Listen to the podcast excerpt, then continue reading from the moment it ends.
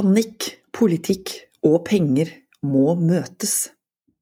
I dag er det 9. januar, jeg heter Anne Ekornholmen, er politisk redaktør i Nasjonen, og dette er Nasjonen på øret.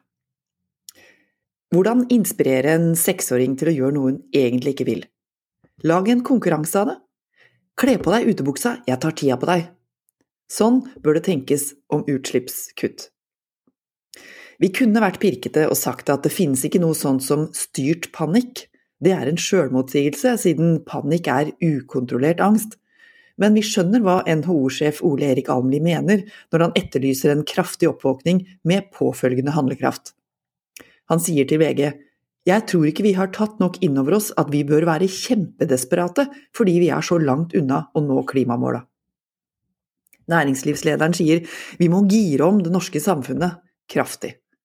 Bakgrunnen, på vei inn til NHOs årskonferanse tirsdag, var en rapport fra Boston Consulting Group.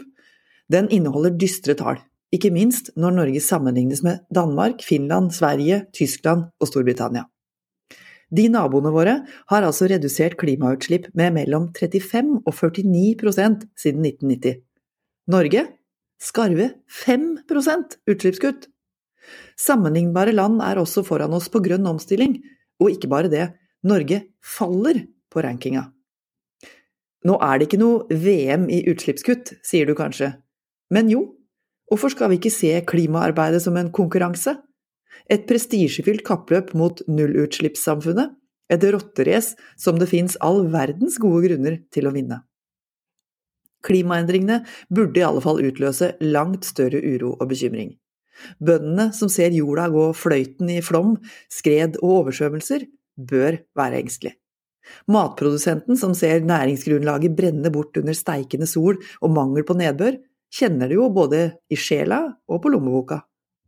Vi burde jo alle bli livredde når naturen vi lever av og med, viser åpenbare sykdomstegn, og dessuten bygges ned for fote i en allmenningens tragedie der ingen har oversikt, alle tenker pytt pytt og beleilig overlater konsekvensene til neste generasjon. Med Norges formue og kompetanse så har vi ressurser til å være bedre. Vi som ellers mener vi er verdensmestere i konkurranser som er så varierte som likestilling, antibiotikabruk, pressefrihet og idrettsprestasjoner. Ikke sjelden skryter vi også av den norske modellen som vi kaller trepartssamarbeidet, det tillitsfulle forholdet mellom myndighetene, arbeidsgiverne og arbeidstakere. Og nettopp her ligger mye av klimanøkkelen. Utvikle, ikke avvikle, er Støre-regjeringas mantra for norsk olje- og gassindustri. Fordi nye næringer, som det sies, skal bygges på skuldrene av kunnskapen som i dag fins i petroleumsnæringa. Da kan vi ikke stenge kranene, er budskapet. Men det går altfor sakte. De som skal opp på disse skuldrene, må klatre fortere. Og de må ha både pisk og gulrot for å gire opp. Vi snakker for mye mens andre land tar tak og gjør noe, mener Almli. Norge trenger å raskere få på plass kraftige økonomiske tiltakspakker, insentivordninger og rammebetingelser for energiomstilling og grønt næringsliv. Sjøl om det får Frp-leder Sylvi Listhaug til å grøsse i et intervju med Aftenposten. Subsidier? Uff, næringslivet støtter seg på hjelp fra staten? Helt feil i Listhaugs bok, der markedets etterspørsel skal styre hva næringslivet tilbyr. Men politikk er jo nettopp til for å komme videre der markedet kommer til kort. For å nå mål også før det begynner å lønne seg i et marked. Vi bør se til andre land, ifølge Børge Christoffersen, som leder Boston Consulting Group sitt energiarbeid i Norden. I Tyskland, Canada og USA f.eks. legger myndighetene forutsigbare rammer og tilbyr støtteordninger som tiltrekker seg investorer. Sånt blir det grønne prosjekter og utvikling av når kapitalen ser fordeler ved å være grønn. Panikken er tydelig og verbal hos ideelle organisasjoner, hos klima-, miljø- og naturvernaktivister. Men det er ikke hos dem penga sitter. Her hjemme går det sakte, så lenge det ikke lønner seg å være klimavennlig. Kapitalen søker seg dit rammevilkåra for grønn omstilling er best, sier Christoffersen. Idealistene, politikerne og kapitalen må altså møtes for å få den styrte panikken som Armley etterlyser, og et langt høyere omstillingstempo.